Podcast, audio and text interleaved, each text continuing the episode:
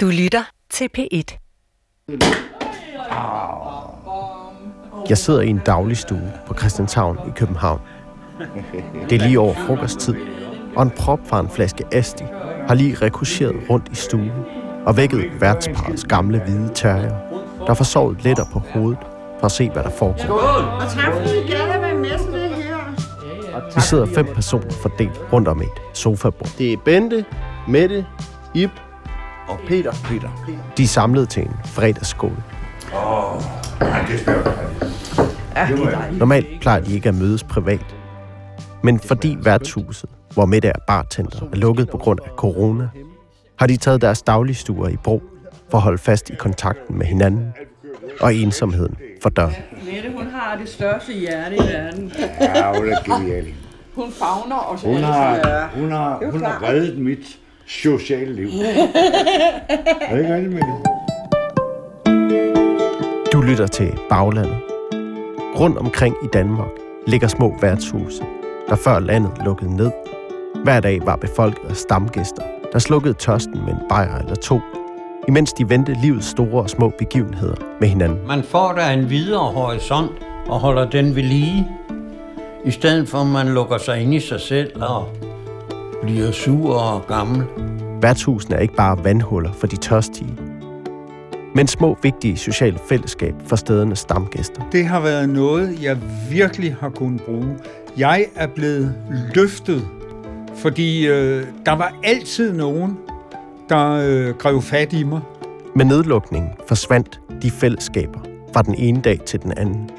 Samtalerne og de anerkendende nik over glasene gennem røgtårerne var for stamgæsterne med et udskiftet med deres tomme dagligstuer. Men man behøver jo altså ikke at blive sådan sur og gnave en gammel en, der altid brokker sig. Jo, altså... På Amager i København har Mette Rigsdal, der er bartender på værtshuset Café Sundet, taget sagen i egen hånd. Hun har gennem nedlukningen haft ugentlig kontakt med en række af sine stamgæster, for at sikre, at de har det godt og klarer sig gennem den ensomme tid. Altså, vi er enige om, at du, du driver et værtshus. Du er ikke ansat af Københavns Kommune som, som socialarbejder. Nej, det, er, det kan godt lyde sådan, men... Ja, Du skal ud over Mette møde Ib, Bente, Peter og Palle. Alle sammen faste stamgæster hos Mette. Du skal høre deres historier om, hvorfor de går på værtshus, og hvordan de har klaret afsavnet til den ugentlige rituelle pilsner. Jeg hedder Mikkel Rønner. Altså, den er langt over frokosttid. Og Kan man få en øl, så? ja, Hvad siger jeg skal da have en formiddagsøl. Skal vi lige tage en øh, formiddags... Bente på 85 og Ib på 82 sidder ved siden af hinanden i sofaen i deres andelslejlighed på Christianshavn. De mødte hinanden for første gang i de små haver på Frederiksberg i 1987. Så kom I hen og dansede med mig. og så dansede vi op på bordet, og så fik den ikke for lidt. Og siden har de været sammen. Hvad, hvad, er det ved, hvad er det ved det at komme på værtshus, som I godt kan lide? Altså, vi, vi kan godt lide at komme, og vi er ikke snobbet. Vi er ligeglade med, hvad folk er, eller ikke er, eller har været. Hvis de er søde og rare, så er de søde og rare. Og det er det. Så det synes jeg er, er en stor fordel ved at komme sådan et sted. Og alle, altså hvis man vil, så kan man sætte sig øh, og, og ikke snakke med nogen. Men hvis man vil snakke med nogen, så kan man jo også det. Og det kan for mange, jeg synes jo især for ældre, der er det jo godt. Det er svært at skaffe nye venner, når man er blevet gammel. Øh, nogen dør jo efterhånden, og nogen glider ud, fordi det bliver for besværligt, hvis de bor for langt væk. Og så, så Vi er ikke så mobile, ganske enkelt. jeg har ikke haft bil i de sidste 5-7 år, hvor meget det nu er. Så Jeg blevet blind på det ene øje, og kan næsten ikke høre. Og, og sådan. Der, der, der er nogle naturlige fysiske begrænsninger. Og det kan let blive psykiske, hvis ikke man passer på.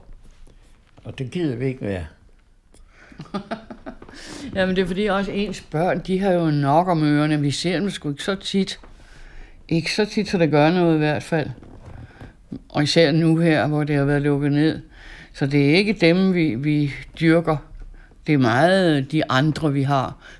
Vi vælger, at vi vil ikke sidde og mugne her og være brokkehoveder. Det vil vi ikke. Så det vælger vi at lade være med. Når der er noget at brokke over, så får vi det overstået i en fart, og lad os så komme videre. Det kan man godt selv tage, tage stilling til. Det vil beslutte sig for. Og det tror jeg sådan, vi, vi meget, det tror jeg er typisk for hele vores vej igennem tilværelsen. Ja. Sådan tror jeg altid, vi har været. Men du tænker også, det, det med værtshuset, fordi der bliver man måske præsenteret for en lidt større, bredere vifte af forskellighed. Ja, det gør man. Ja, det gør man jo. Det, Om det er også med til at holde en sådan skarp. at man, Det, det synes jeg da er, fordi man får der en videre horisont og holder den ved lige. I stedet for, at man lukker sig ind i sig selv og bliver sur og gammel. Det synes jeg. gammel bliver man alligevel. Men man behøver jo altså ikke at blive sådan sur og gnaven gammel en, der altid brokker sig. Jo, altså det du spørger om, det er om, om det, øh, om vi tror på, at det holder os i live. Eller det gør det måske ikke, men det holder i hvert fald sådan nogenlunde sludet over vandet, at man øh, er sammen med andre mennesker, og skal gøre sig lidt umage, for at de også gider være sammen med en. Det er jo ikke noget, man, man er en sur gammel en, så der er ingen, der gider sidde ved siden af en. Så det er man ikke. Det er vi starter. Endnu en flaske bliver åbnet og skænket i glasene rundt om sofabordet hos Iber og Bente. Imens de taler om, hvordan det nu var, dengang de kunne gå på værtshus. To, max tre øl. Så går jeg hjem, fordi jeg har jo ikke tænkt mig, at jeg vil sidde og blive fuld eller noget. Så det er sådan nogenlunde Det har det. jeg ikke noget imod, at jeg bliver. Hun, er, hun bliver lidt sur. Bente laver god mad, og det gør hun hver dag, og jeg sætter umådelig meget pris på Bentes mad. Hvis jeg så kommer for sent hjem, så er jeg ved at blive smidt ud. Hvad fanden bilder du dig ind, kunne hun finde på at sige? siger jeg, at så laver jeg ikke mad. Jeg Efter en, to, tre, fire glas er Mette og jeg ude af døren. Man kan godt mærke, at man har fået de her glas der. Selvom det er boblevand, kan man det stå. Ja, det, det, Ib, Bente og Peter er bare første stop på fredagens besøgsrunde. Næste stop er Hans, en anden stamgæst. Han er lige kommet hjem fra hospitalet. du har lige ordnet hans lejlighed, på, før han kom hjem. Ja, gjort den ren og ordnet hans altan og plantet blomster og var nede med en masse skrald. Og Fordi Hans lige er kommet hjem fra et længere hospitalsophold, er det ikke lige journalister og mikrofon, der står først på to-do-listen. Så jeg skilles med Mette ud fra Karen, hvor Hans bor. God tur op til Hans. Ja, tak og rigtig god weekend. God weekend.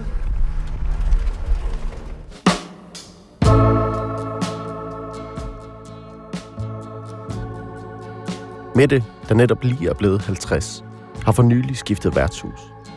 Ikke noget, der betyder det store for Ib og Bente og Peter. De følger med derhen, hvor Mette serverer kold øl. Og et par dage efter vores skål hos Ib og Bente, mødes jeg med Mette uden for Café Sundet, hvor hun arbejder nu. Hun vil lige introducere mig for Palle, der også er en af hendes stamgæster. Hej. Skal vi, uanset hvad, ikke? Så er det ham. Palle er på vej ud for at købe ind, men vi når lige at skåle i en hurtig formiddagsdram. Hvad, hvad siger man så? Øh, For dem begge to.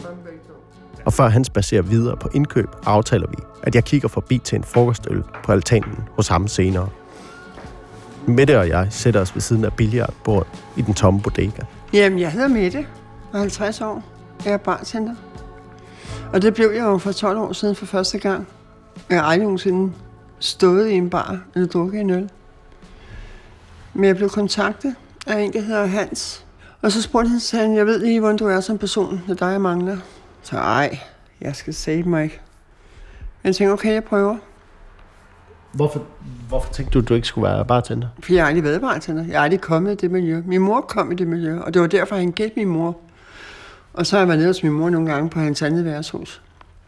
Og så snakkede med ham, og så synes han bare, at jeg havde en, en god personlighed.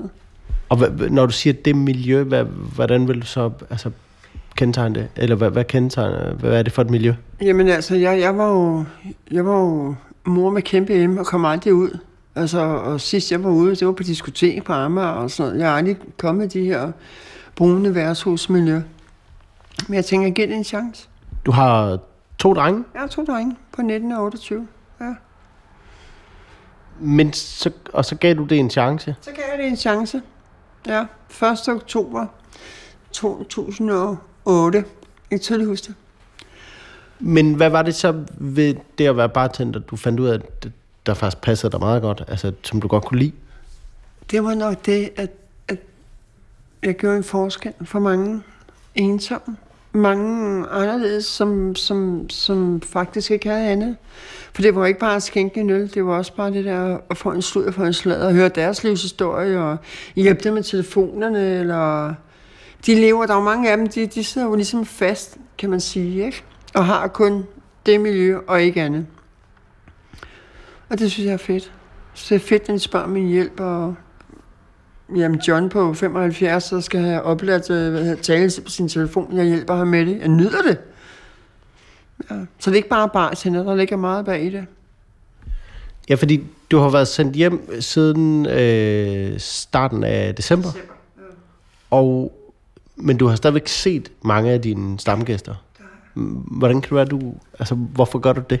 Øhm, men det er, jo, det er jo fordi, jeg, jeg kan jo, jeg, ja, hvorfor gør jeg det? Jeg savner også dem, ligesom de savner mig og miljøet.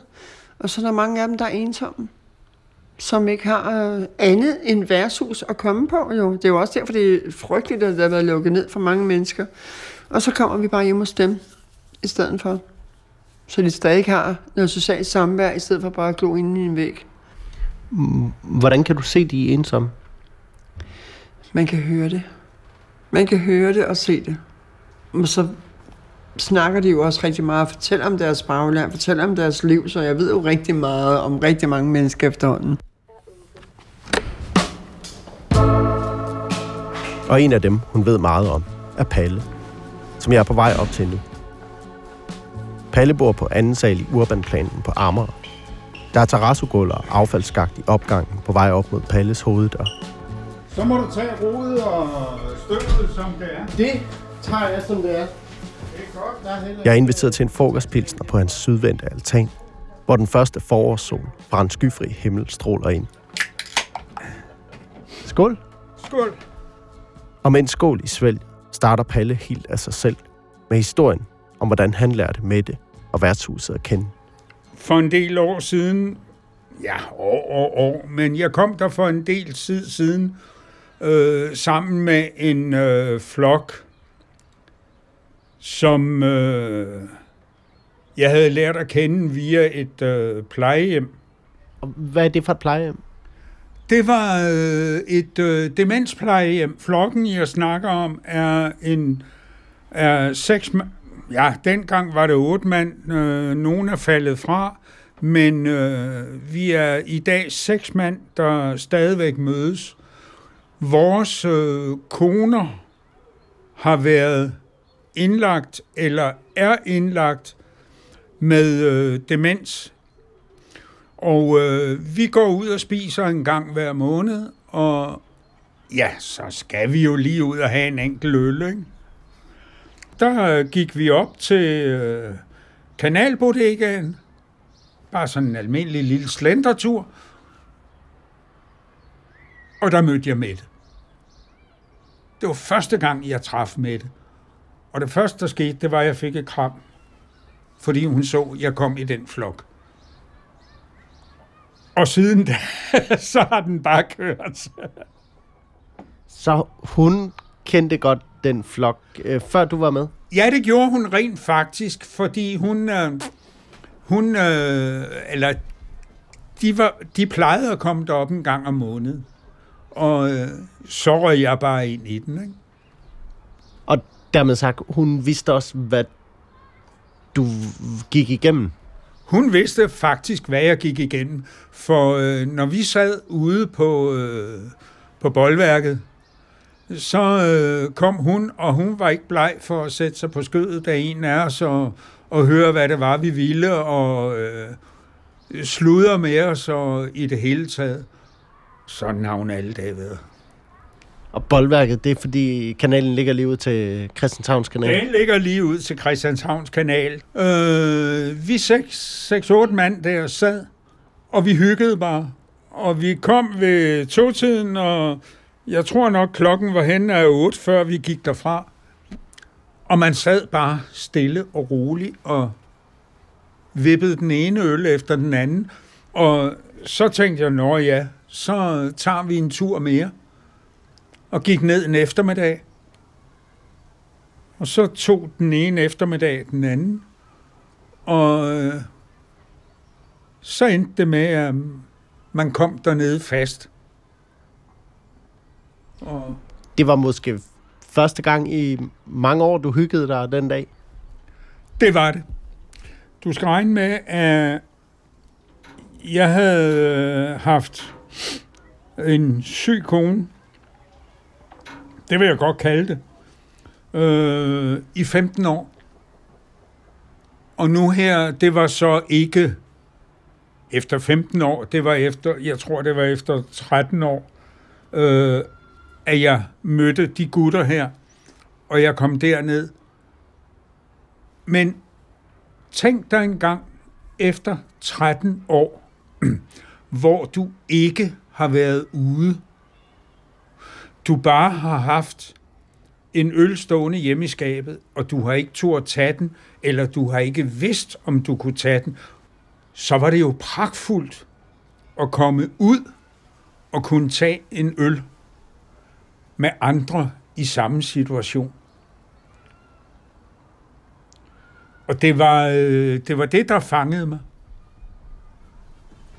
Og det var derfor, at jeg begyndte at komme på kanalen. Jeg kan godt lide, når der kommer en ensom mand ind ad døren, eller en kvinde, som, som måske ikke har mere familie, som ikke, måske ikke har nogen børn eller børnebørn, som bare sidder hjemme hver dag. Og der er rigtig mange, der dømmer folk og siger, at det er bare alkoholiker. Nej, det er det ikke. De kommer ned, så kan jeg godt lide at gøre en forskel, og gøre ham glad. Være glad og sige, hej, hvad kunne du tænke dig? Lyt på ham. Han, altså, han, han snakker måske ikke med nogle mennesker hver dag overhovedet, fordi han bare er sig selv. Men så kan han komme herned, jeg vil gerne lytte. Det gør en forskel. Og når han går ud af døren med et smil på læben og siger tak for en dejlig dag, så er jeg glad. Men kan du aldrig blive træt af altid at høre på folk, der sådan har en lille skid på? Jo, det kan du godt. Men det er du nødt til at pakke væk. Jeg har valgt det her job. Jeg sidder ikke bag en computer kan gå mok og svine folk til. Du er nødt til at... Fordi de kommer netop herned for at købe en øl. For at have lidt socialt samvær med andre mennesker, fordi de ikke har andet derhjemme.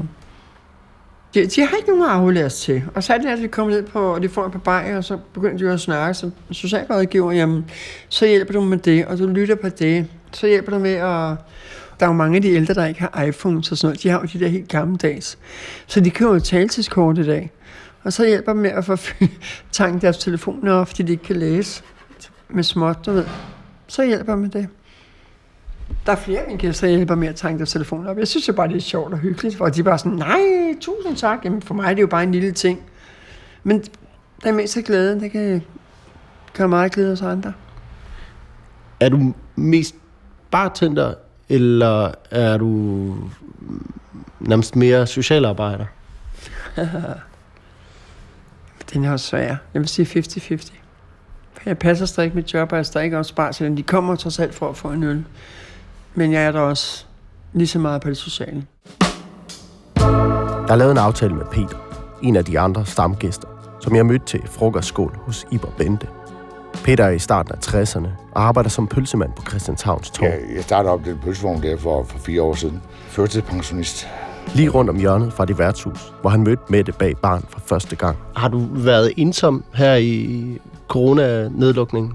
Ja, det har jeg. Men altså, øh, det er altså hvad man siger, brugt øh, på... Øh, er meget ude, ganske enkelt. Bænke og så mig. Jeg elsker bænke.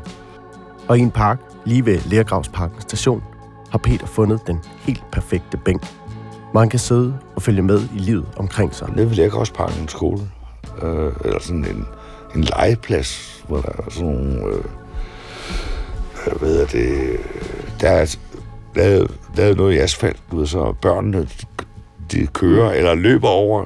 Folk elsker, eller børn elsker jo også at løbe op øh, og af bakker og ned, og, og det samme lyd.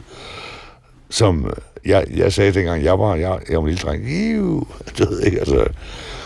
Så jeg sidder bare, og jeg råhygger mig. Jeg synes, det er, det er jo livet, og så se børn, ikke? Altså, den der glæde der, ikke? Altså, den er intakt.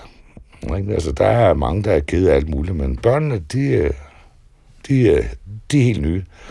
Og, og jeg sidder bare og nyder det, og så når de der unger der, de, de har ikke nogen fordomme over for mig, at jeg sidder på den der bænk der. Man er lidt suspekt, hvis man sætter sig på en bænk. Og så kan du se, så er det børnene, sidder og kigger på børn. Eller øh, øh, øh, har, har han ikke nogen andre interesser? Ikke? Hvorfor sidder han derovre? Og det gør jeg tit på, øh, sidder der i en time, eller, eller måske to, hvis solen skinner. Men øh, er du bange for, hvad folk tænker om dig, når du sidder der? Nej, det er jeg egentlig ikke. Men jeg er, be, er bevidst om, at der er nogen, at, at der synes, at det er lidt mærkeligt, at jeg sidder der. Øh, men altså, det er jo fordi, de ikke fatter, hvorfor at jeg sidder der. Altså, jeg har jo siddet der, uanset om de kom, eller de ikke kom. Manden på bænken med en pilsner. Ja, altid. Med en pilsner. Og, og det er jo sådan noget, folk de kigger skævt til, jo, ikke? Altså, og specielt de der unge forældre der, sidder og ryger også jo.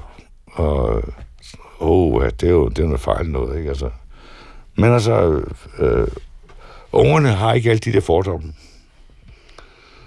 Altså, de øh, synes vel højst, at det er en lille smule anderledes end, øh, end øh, hjemme alt øh, klid og spælt og det ene og det andet. Altså, men øh, ja, det tænker de jo ikke over børnene.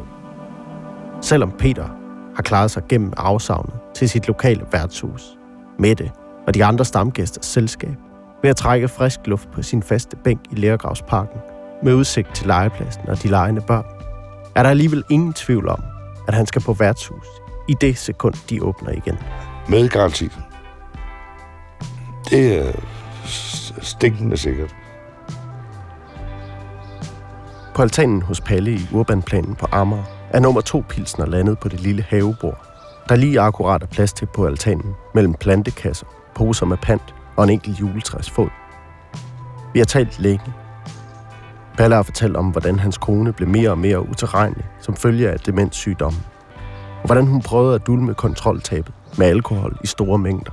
Hvordan har du så med at drikke alkohol i, i dag? Øh, altså i forhold til, at du har set din, din kone øh, altså misbruge det på den måde, eller dulme... Dulme hendes, øh, hendes smerter, hendes øh, sygdom, eller er det det, du mener? Ja, Ja. Øh, det har jeg det rent faktisk ganske udmærket med. Og øh, jeg ved, mine øh, unger har det på samme måde.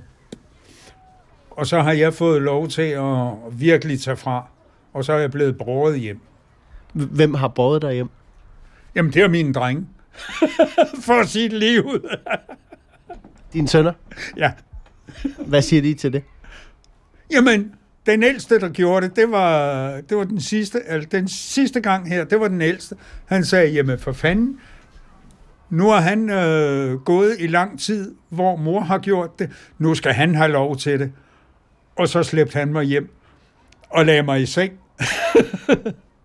så, men jeg ved det godt, det er ikke noget, jeg skal gøre hver gang. Hvad er det gode ved at, at få en, en ordentlig skid på en gang imellem? Jo, men det er, det er jo nok det der, at jeg kan sige, så, nu kan du slå dig løs. Nu kan du slappe af.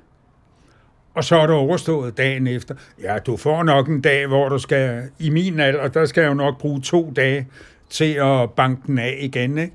Men øh, jeg kan i hvert fald få det på den måde, hvor man siger, sådan. Så har du slappet af, ikke?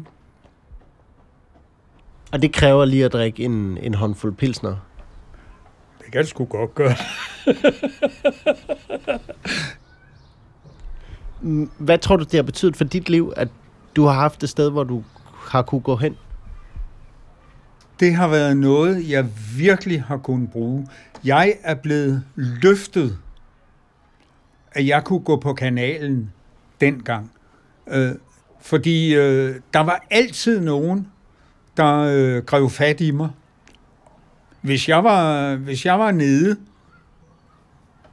så var der altid en skulder at græde ud ved.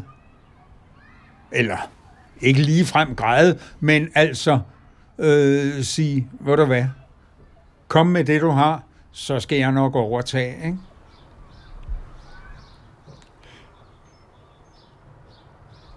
Hvordan har den her periode, øh, hvor du ikke har kunne komme på værtshus, været for dig? Jeg har nok købt et par, et par rammer mere, end jeg skulle. Jeg er kommet mere ud i den fri luft, end jeg havde regnet med. Der er altså sket et eller andet med mig, fordi øh, det har fået mig til at gå. Jeg går hver dag. Jeg kan gå en time, jeg kan gå to timer, jeg kan gå tre timer. Bare ud i det blå. Og det gør jeg hver dag. Jeg er ved at gøre klar til en sommerferie, der hedder en rygsæk på nakken. Forløbet har jeg lagt den fra Roskilde til, øh, til Hundested, og øh, derefter kan det godt være, at jeg kører nordkysten lidt, lidt over mod Helsingør. Men øh, ja, og så vil du sove på campingpladser, eller hvad vil du? det bliver, det bliver øh, øh, shelters og regnslagsbivakker og den slags, hvor end jeg kan komme til. Om det er i en øh, offentlig skov, eller det er et krat eller noget, det er sgu ligegyldigt. Jeg lægger mig bare, hvor der er plads. Så du er øh, altså faktisk talt i gang med at træne op? Ja, det er jeg. Du har lyttet til Baglandet om livet som stamgæst i et coronanedlukket samfund. Rune Spark Gertsen er redaktør. Jeg hedder Mikkel Rønner. Hvad skal du, øh, når de åbner for værtshusene igen? Jeg skal på værtshus. jeg skal på værtshus både torsdag, fredag, lørdag og søndag.